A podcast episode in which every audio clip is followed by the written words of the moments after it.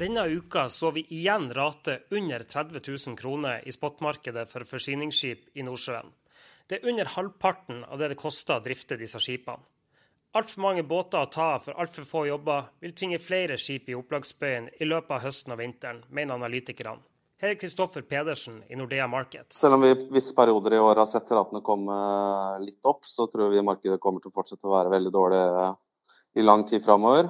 Det ligger over 100 skip i opplag i Nordsjøen, og mange rigger kommer av kontrakt eh, fremover. Både på norsk eh, side og på engelsk side av Nordsjøen. Så vi tror jo etterspørselen kommer til å svekke seg ytterligere eh, fremover. Så vi tror ikke på noe bedring i markedet.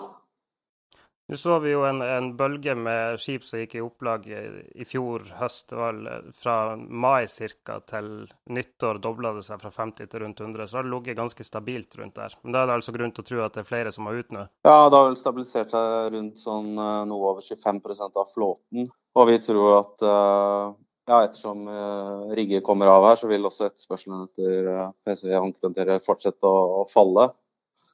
Og vi tror at ja, selskapet vil fortsette å legge skip i opplag uh, når de ikke får jobb. Da sparer man jo på eh, driftsutgifter ved at man uh, kan gå ned i hvor mye mannskap man må ha, man har ikke drivstoffutgifter osv. Men de finansielle kostnadene de vil jo løpe.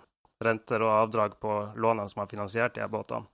Og det er vel det rederiene kjemper med nebb og klør nå for å komme til en løsning med de som har lånt de penger? Ja, det er flere som har klart å få på plass restrukturering, men det er fortsatt veldig mange som gjenstår. da. Så vi har jo senest sett Solstad og Rem og Doff har fått på plass eh, langsiktige løsninger som tar det til 2019-2020. Og så er det en god del som fortsatt er i prosess, f.eks. Olympic, eh, Farstad, Havila og Viking Supply, som annonserte her en dagen at de eh, i hovedsak har kommet til enighet med, med obligasjonseierne, eller i hvert fall en gruppe av de. Ellers er det jo også noen som har kommet med litt eh, mer kortsiktige løsninger, da, sånn som Island Offshore f.eks., som har skjøvet lånforfallene til 2018. Da.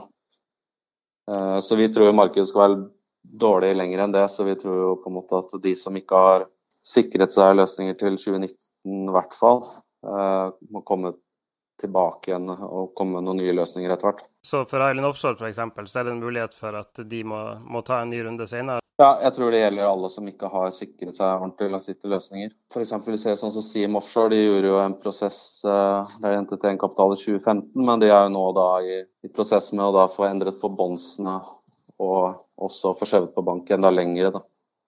Du, De som har holdt på desidert lengst av de du nevner, er jo Havila. De var først ute med å prøve å få på plass en løsning. Eh, etter flere runder så var det vel eh, bondholderne, obligasjonseierne, som satte eh, foten ned og sa at dette var de ikke med på. Hvor, de, hvor er de i prosess nå? Nei, Jeg har ikke fått så mye informasjon der i det siste på hvor de ligger an i prosessene. Men det har jo tatt veldig lang tid. Det har jo pågått siden, egentlig siden januar. Jeg så i eh, siste kvartalsrapporten deres at eh, de eh, siden nyttår har brukt 20 millioner kroner på, på disse restruktureringene. Det er kostbare greier? Ja, så det koster når det drar ut i tid. Det er advokat, advokatregninger og ja, banker etc. Så det blir en del penger etter hvert. Uh, også hvis det pågår lenge nok, så kan det jo også få sannsynligvis negative konsekvenser for selve det operasjonelle. Da. Vi ser på rigg f.eks. at det er en del kunder der som på en måte er bekymret for om, eh, om selskapene fortsatt er der, da, hvis du skal gi dem kontrakter. Hvor lenge kan de holde på med, med denne prosessen før det faktisk skader inntjeningsmulighetene deres? På spot-oppdrag f.eks. så har det vel ikke akkurat så mye å si. Men uh, hvis du skal inngå lange kontrakter, så skulle man jo tro det har en, en negativ effekt. Selv om de fleste regner vel med at selskapene får, får, får på plass noe. at uh, Flåten er jo såpass ny her da, på alle selskapene at skipene blir jo ikke borte uansett om uh, man skulle få en annen eier uh, eventuelt. Mm. Uh, men de fleste kontrakter har jo klausul på eierendringer, i hvert fall. I hvert fall mange kontrakter har det. Hvis man gjør en restrukturering i en del av selskapene, så kan det jo også få, få en effekt på selve kontraktene. Doff og Solstad og Rem er da i mål. Rem eh, kom vel i mål med sin restrukturering på en litt annen måte enn de hadde sett for seg. Dere som eh, sitter eh, tett på dette, ble dere overraska av det som skjedde der? Ja, vi ble litt overrasket uh, over prosessen der. Det er jo ikke så ofte man ser det i Norge. At man går via obligasjonslån for å få til sammenslåinger. Kan ikke du forklare kjapt hva som skjedde der?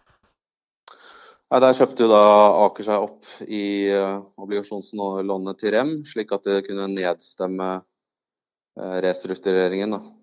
Og på den måte tvinge frem en løsning uh, som gjorde at det ble slått sammen med Solstad. Åge Remøy omtalte jo det som et tvangsekteskap. Han var ikke happy med dette? Nei, det var vel ikke helt som de hadde planlagt og håpet på. Men det kan jo skje med flere her. For det er jo fortsatt en del selskaper i prosess her som har obligasjonslån utstående, og noen av de er ganske korte også. og Du trenger jo eh, kun 33% av, eh, av stemmene for å blokkere forslag. Og med obligasjoner så handler det langt under 100, så vil ikke de beløpene du trenger da, for å oppnå 33% det blir ikke så veldig høyt. Nei, Det minste obligasjonslånet til Farstad er vel på 400 millioner og ble handla i annenhåndsmarkedet for jeg vet ikke, 50 kroner per 100 kroner. 50% av det de var utstedt for, ca. Er ikke det riktig?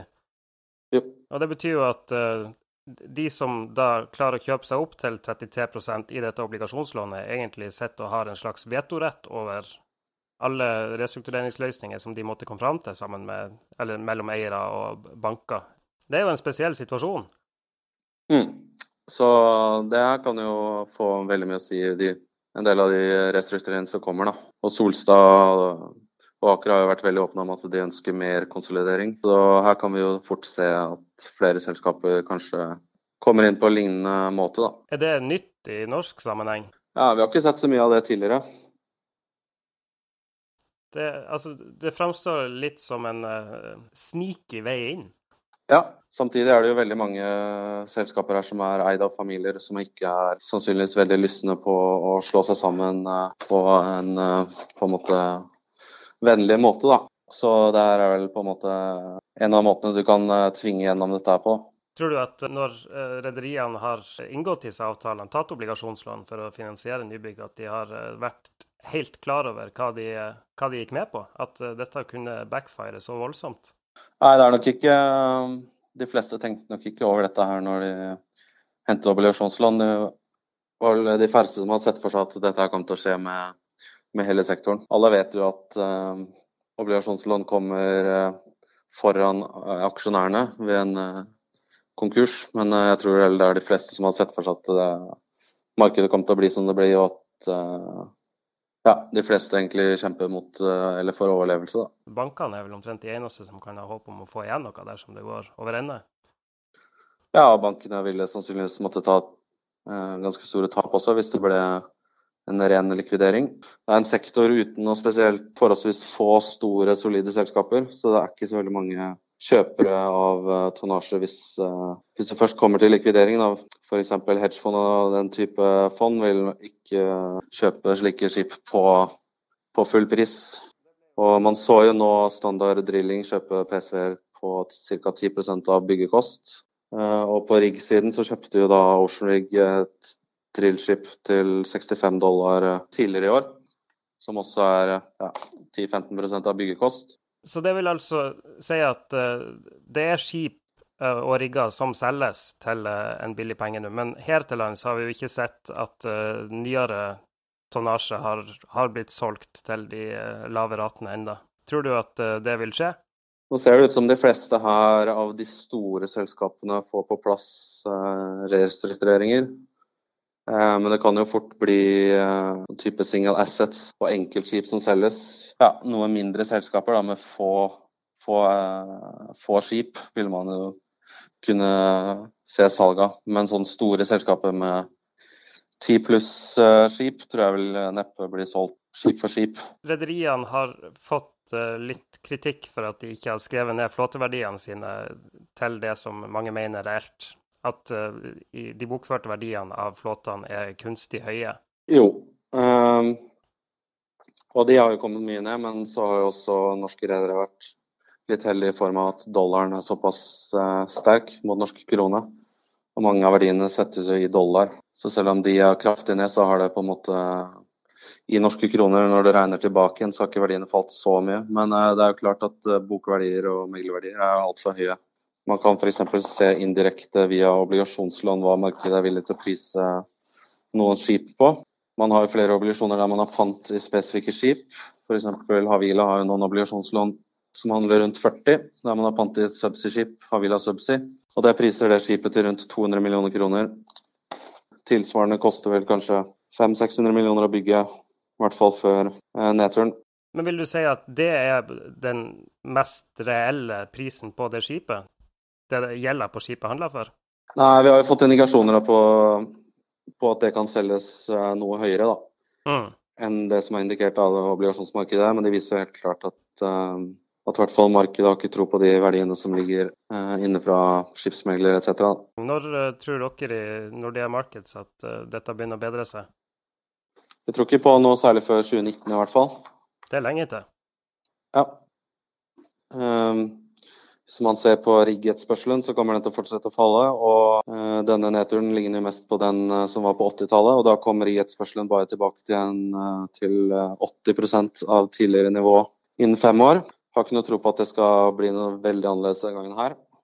Og da, hvis det skjer, så vil jo Spesielt da på PSV ankerhåndtering så følger jo etterspørselen veldig tett på riggetspørselen. Og det vil ikke være tilstrekkelig til å, å få, et, til å få utnyttelsen opp nok opp på et uh, høyt nok nivå til å få noe ordentlig inntjening. Hvis det ikke er noe veldig høy skraping av skip. Ja, For å dvele litt ved det. Skraping av skip, er, er det et uh, alternativ i dag?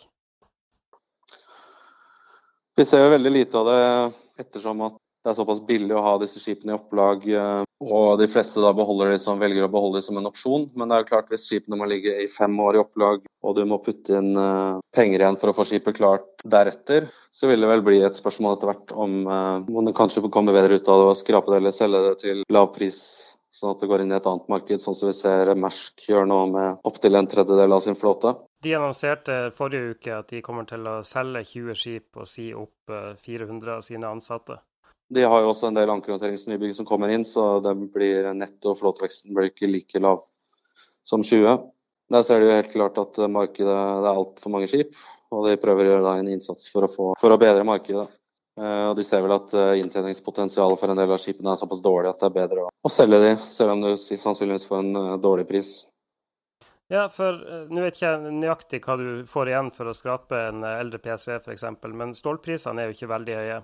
Eh, og I noen av de tilfellene vi har sett, så er det jo omtrent et nullprosjekt, om ikke minus, å skrape en uh, gammel båt. Det er jo ikke veldig mye stål i disse offshoreskipene heller.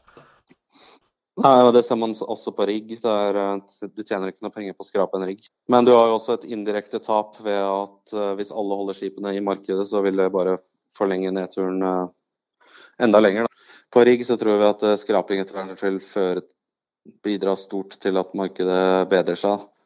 Mens jeg har ikke like stor tro på det på i, i supply- og subsidy-segmentet. Hva, hva, kommer det av?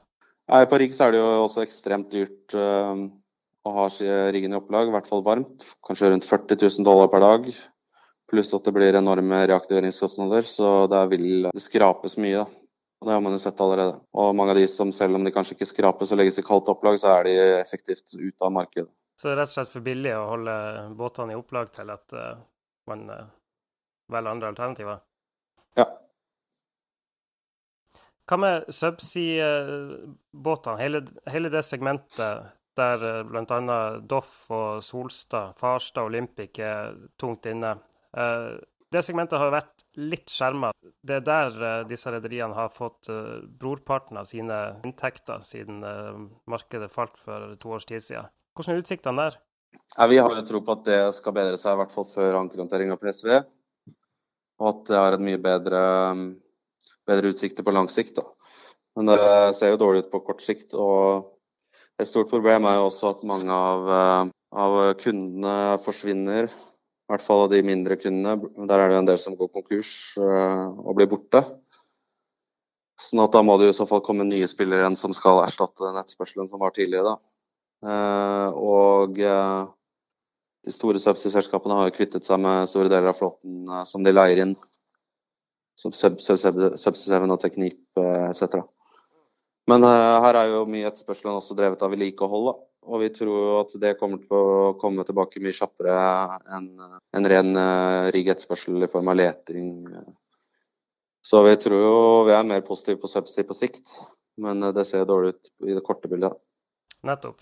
Men er det fortsatt sånn at uh, de sitter bedre i det enn enn de som sitter med mye PSV og ankerhandlere, f.eks.? Ja. Eh, raten har kommet mye på subsea, men ned på subsea også. Men ut fra det siste vi har sett, så har man i hvert fall positiv, eh, positiv inntjening, selv om den faller. Ja, og dette er jo eh, de dyreste av skipene som norske rederier har. Milliardskip, eh, som er relativt nye og, og høyt belånt. Det må være, dette må jo være virkelig dyre skip å ha i opplagsbøyene? Selve opplaget er ikke så mye dyrere, men uh, finanskostnadene er selvsagt høye. Så man blør jo helt klart mye penger her hvis du, uh, hvis du ligger med disse skipene i opplag. Samtidig er jo de aller største subsea-skipene der er de fleste av de på ganske lange kontrakter. Uh, I hvert fall av de sånn to milliarder Eh, klassen. Det synes å være ganske vidt forskjellige oppfatninger om, eh, om, hvorvidt vi er på bunn, og når eh, vi eventuelt kommer til å treffe bunn. Ferd og Wilhelmsen var de siste på banen med å etablere et fond, og de sier at det fortsatt kan gå år før de slår til. Aker og Røkke de har jo allerede slått til. Hvorfor gjorde de det? Var de litt for tidlig ute? Det spørs litt hvilke type Sånn som når Aker går inn i Solstad, så tar de jo kontrollen over en av de største og beste selskapene i sektoren. Så den får du jo ikke sånn kjempemange muligheter eh, til, da. Eh, så jeg tror det har litt med, med, det å gjøre. Samtidig så er det jo, hvis du skal kjøpe enkeltskip, så vil jo det sannsynligvis eh, da vil du sannsynligvis tjene på å bare vente, for det blir jo dårligere og dårligere her etter hvert. Standard Drilling kjøpte skip på 10% av byggekost, så hvis det dukker opp sånne type muligheter, så er det jo et ganske greit bet, selv om markedet ser dårlig ut. For da kan du ha skip i opplag veldig lenge og fortsatt, øh, og fortsatt tjene penger på det hvis markedet kommer tilbake igjen. I de øh, restruktureringene som har kommet i mål her, så har det i, så langt egentlig i stor grad dreid seg om å skyve på gjeld. Eh, vi har sett lite sletting av gjeld. Bortsett fra kanskje i Doffs tilfelle. Nå må du korrigere meg hvis jeg tar feil. De sletta vel én milliard i obligasjonslån? Ja, egentlig to, for de gjør om eh, alt til aksjer. Ja.